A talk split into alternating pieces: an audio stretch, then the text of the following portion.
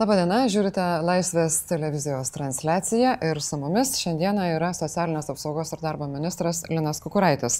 Ministerija atlieka patikrinimą, kaip atsitiko, kad su viena mažaja bendryje kelios ministerijai pavaldžios įstaigos sudarė sutartį dėl tų pačių paslaugų už kainą, dažnai beveik tokią pat kainą, kuri leidžia tas paslaugas pirkti neskelbant konkursų. Ir už maksimalę tokią tvarką galima mokėti kainą. Ministre, ką ištyrėt per tą savaitę nuo tada, kai Andrus Tapinas pranešė apie šitą sutartis? Iš tiesų, surinkus duomenės ir jau juos tyrinėjant, labai aiškiai matosi, kad yra piknaudžiavimai, e, sąsajos yra e, akivaizdžios. Turit galvoje su viena įmonė, ta mažaja bendryje, Juliaus Pagojaus neįvykusio teisingumo ministro įmonė. Taip, ir net e, tarp pačių pirkimų, nes e, yra ne tik, kad, e, kaip jūs minėjot, kainos dydis yra, yra maksimalus, bet taip pat pačios sutartys labai panašios, vienodos praktiškai paslaugų paketas, kuris užsakomas. Ir dar kas yra svarbu, tai yra tiekėjai, tai reiškia tie, kurie siūlė kitus siūlymus, praktiškai irgi, irgi yra identiški. Nu tai akivaizdu, kad, kad čia yra labai daug sąsajų ir, ir dabar pagrindinis klausimas yra, kaip, per ką, per kokius asmenius tai yra susiję. Na, mūsų žvilgsnis krypo į asmenis, kurie yra dirbę ministerijoje ir kurie turi ryšių su, darb, su tebe dirbančiais ministerijoje. Ar jūsų spėjimai, arba galbūt jau pasitvirtinę tyrimais uh, spėjimai yra panašus? Yra bent keletas uh, versijų, bet tikrai tos versijos kol kas yra tik versijos, nes uh, Patys dokumentai, jie daugiau mažiau yra tvarkingi, jeigu žiūri vat, patį techninę viešųjų pirkimų organizavimo dalį, tos, tos, vat, jau tos tarp asmeninius ryšius, sąsajas atrinkti yra labai nelengva, dėl to labai džiaugiamės, kad šalia mūsų vidinio tyrimo ir viešųjų pirkimų tarnybos atliekamo tyrimo įsitraukia ir STT, jau mes esam pateikę jiems duomenis ir Ir būtent tikimės, kad jie padės tas vat, tarp asmeninės sąsajas jas atrasti ir, ir, ir surasti, kas čia, kas čia organizuoja. Bet ministrė, jeigu formaliai viskas yra teisėta, o ko gero yra teisėta, nes iš tiesų sunku bus, aš bent jau nerandu būdo įrodyti, kad yra pažeista kažkokia yra tvarka. Viena kita ta vat, viešųjų pirkimų organizavimo tvarka pažeista, mes jau matom tam tikrų pažeidimų, tai tikrai jau bus galima, reiškia, bent jau tai procedūriškai. E, anuliuoti tuos pirkimus ir kitaip daryti, bet, e, bet būtent tos sąsajos, kurios yra nematomos, jos yra turbūt visiems mums yra įdomiausios. Viena sutartis a, su Šiaulių šal, šaltinio globos namais nėra netgi prieinama viešai, nors ir turėtų būti. Kodėl? Taip, e, penktadienį pats buvau susitikęs su visų e, globos įstaigų vadovais. E, kiekvieną atskirai klausiam, kodėl buvo pasirinktas e, toksai vat, būdas ir šitas pirkėjas. E, Tai visi kol kas kalba atsitiktinumu, grindžia atsitiktinumu. Na, vienų globos namų vadovė mums sakė, mes googlinom. Tai googlink kiek nori tos įmonės, kaip tokios paslaugos tiekėjos niekas neišmet. Mes lygiai taip pat konfrontavom, kad iš tiesų irgi patys bandėm surasti ir per Google, per kitas paieškos sistemas neradome. Tai akivaizdu yra, kad tai yra nu, netinkama net versija gintis. O kalbant apie šaltinį, nes tai yra vaikų globos namai šaltinis, e, su direktoriumi jisai pats e, akivaizdžiai buvo nustebęs, kad, e, kad reikia apskritai skelbti sutartis į viešąją sistemą. Tai, tai tą jo akivaizdumą, kaip suprantu, tai jos turėtų tas sutartis atsirasti artimiausiu metu. Gytė Bekštienė, globos namų užuovėje vadovė, kuri buvo viena iš tų, su kuria sustikot penktadienį ir viena vadovė iš tų vienų namų, kurie pasirašė sutartį dėl konsultacijų su, su Juliaus Pagojaus įmonė, e, sako, kad ministerija perspėjo dėl pasikeitusio duomenų reglamentavimo, bet nieko daugiau nepadarė. Ir mes dabar parodysime ištrauką jums ir ministrui, ką sako ponė Gytė Bekštienė. Kaip buvo? Mes buvom ministerijoje. Ministerija sukvietė visus įstaigų vadovus, galėjo dalyvauti ir jų pavaduotojai. Tu prasme, po du žmonės, po du atstovus. Todėl, kad mes buvom supažindinami su būtent domenų, domenų apsaugos reglamentu. Kaip bus, kas bus, tai buvo, dalyvavo teisininkė pristatinėjo iš e, būtent komisijos. Tai va, kai mes visi tai išgirdom, pasiklausėm, supratom, kad nuo nuo gegužės 25 jis įsigaliojo ir mes turim čia apsisaugoti. Man to viso pasiklausius, aš tai girdėjau iš tikrųjų, ta prasme, aš žinojau, ar ne, bet to viso konkretumo nebuvau iš tikrųjų, iš tikrųjų gilinusis. Tai aš supratau, kad iš vis, viską reikia užkalt uždaryti ir, nu, taip yra. O ministerija davė kažkokias na, rekomendacijas, ką daryti, kaip elgtis? Ne. Mm, ministerija mus pakvietė tik tai, vat, kad mes žinotumėm, kad taip yra. Taigi, vienų globos namų vadovė sako, kad ministerija nedaug padarė, kad jai pavaldžios įstaigos būtų ir susipažinusios su nauja duomenų apsaugos reglamentavimo tvarka ir kad žinotų, kaip elgtis. Ta direktyva dėl griežtesnė, griežtesnės asmens duomenų apsaugos yra priimta anksčiau, negu jūs buvote paskirtas ministru. Ką ministerija darė ir ką padarė, kad globos namai tinkamai būtų informuoti, kaip jiems toliau elgtis? Tai reikia pripažinti, kad išskyrus šitą susitikimą, kur buvo pakviesti iš duomenų apsaugos e, inspekcijos atstovai, kurie pristatė reglamentą ir kas, e, kokiu e, reiškia, pakeitimu reikalinga kiekvienoje globos įstaigoje bei pavaldžioje e, ministerijos įstaigoje.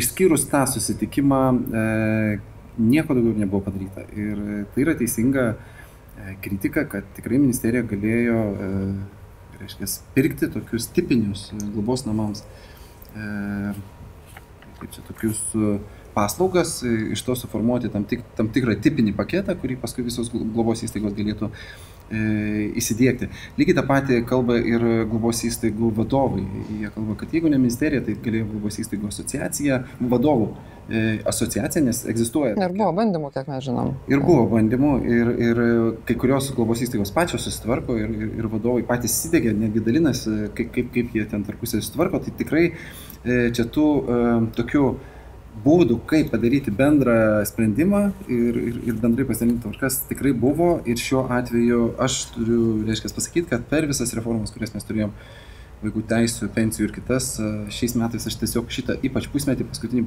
pasiruošimo, aš tiesiog ne, neskiriu pakankamai. Bet, bet vienas dalykas esate jūs, kitas turbūt yra žmonės, kurie tiesiogiai ministerijoje už tai atsakingi. Ar jie jaučia kokią nors atsakomybę ir jie ketina už tai, kas atsitiko, prisimti? Čia dar kitas svarbus dalykas, kad e, ryšium su šitais pirkimais, taip pat, e, kadangi ir ministerija nusipirko iš to paties tiekėjo paslaugą, ir dabar kaip tik mes e, turime audito duomenis, ir akivaizdu, kiek pati ministerija yra nepasiruošus šitoje srityje, tai kadangi tik tai penktadienį priėmėm galutinę ataskaitą, tai irgi ministerijoje ieškom, kas yra atsakingas už tai, kad pati ministerija yra nepasiruošus duomenų apsaugai. O kodėl nerandat? Kur čia tiek toli reikia ieškoti to ministerijoje? Surasim. Jūs, kaip tik ministerija buvo viena iš tų įstaigų, kuri jau spėjo gauti paslaugas, ar ne? Kitos įstaigos kaip ir nesumokėjo dar pinigų pagal susitarimus, bet Neįgaliųjų reikalų departamento sutartis, peržiūrėjau prie, prie ministerijos.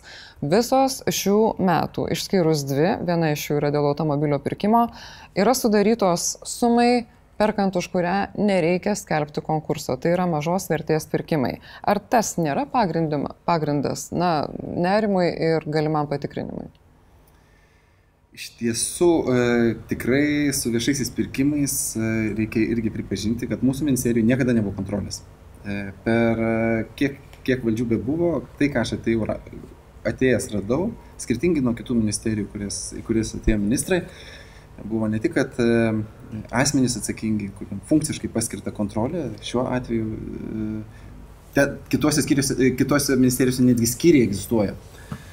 Tuo tarpu pas mus nebuvo nei vienos mens atsakingo nei už e, korupcijos prevenciją, nei už viešųjų pirkimų kontrolę ir taip toliau. Tai reiškia... Bet yra žmonės, kurie atsakingi už konkrečias sutartis, jie yra jas pasirašę. Taip, bet e, tai yra konkretus vadovai, kurie patys atsakingi už savo sutartis, pirkimus ir mes kiek įmanoma su viešųjų pirkimų tarnyba bendradarbiaujam, jeigu jie tik duoda kažkokius signalus, padedam tirti, atrasti ir taip toliau, patys organizuojam vidaus audito, bet akivaizdu, kad e, šita iki šiol egzistavusi tokia imuninė sistema yra per silpna, praktiškai jos nėra. Ir e, dėl to ge, gegužės mėnesį priėmiau patarėją politinio ligmens, kuris atsakingas už korupcijos organizavimą. Ir, Jūs turit galvoj patarėją? E, patarėja politinės Nerijų Kisėlio, kuris iš būtent turi labai, aišku, labai aiškę patirtį darbo tarnybose specialiuose tarnybose ir jisai, mhm. jisai imasi šitų visų atvejų, net, net ir dabar, darydamas vidinius tyrimus. Ir taip pat e, konstruodamas nuo nulio praktiškai tas e, prevencinės sistemas tiek korupcijos, tiek viešųjų pirkimų srityje, o kaip žinia pas mus sistema yra labai jautri, tiek neįgalumo nustatymo, darbo biržos, valstybė darbo inspekcija, sodra ir taip toliau yra labai jautrios, subtilios sistemos, kurios e, dėja dešimtmečiais neturėjo jokios prevencijos. Bet jūs esate sistemos galva jau net ne metus, o daugiau. Ir kalbant apie tuos jautrus dalykus, tai kaip tik neįgaliųjų reikalų departamentas turbūt yra viena iš pačių, jeigu ne jautriausia vieta. Ir kai kurios sutartys, apie kurias jau dabar ir kalbam, yra sudarytos taip, kad departamentas atlieka 100 procentų avansinį mokėjimą su įmonėmis kaip propagandos ministerija, muzika bona ar panašiai. Tai nėra nusikaltimas, bet tai nėra ir sveikintina praktika. O čia yra, na, neįgaliųjų departamento pinigais sumokama iš anksto dar prieš gaunant paslaugas. Ar, ar jūs kalbėjote su direktorė Asta Kandratavičiane apie tokią praktiką ir ką su ja daryti? Apie šią konkrečią praktiką, tai reiškia, kad 100 procentų avanso, tai tikrai nesukalbėjęsis, tačiau apie bent keletą pirkimų esu kalbėjęs, kai tik tai gaunu duomenis. Ir esam darę ir vidaus auditą, e, būtent e, dėl šio departamento pirkimų.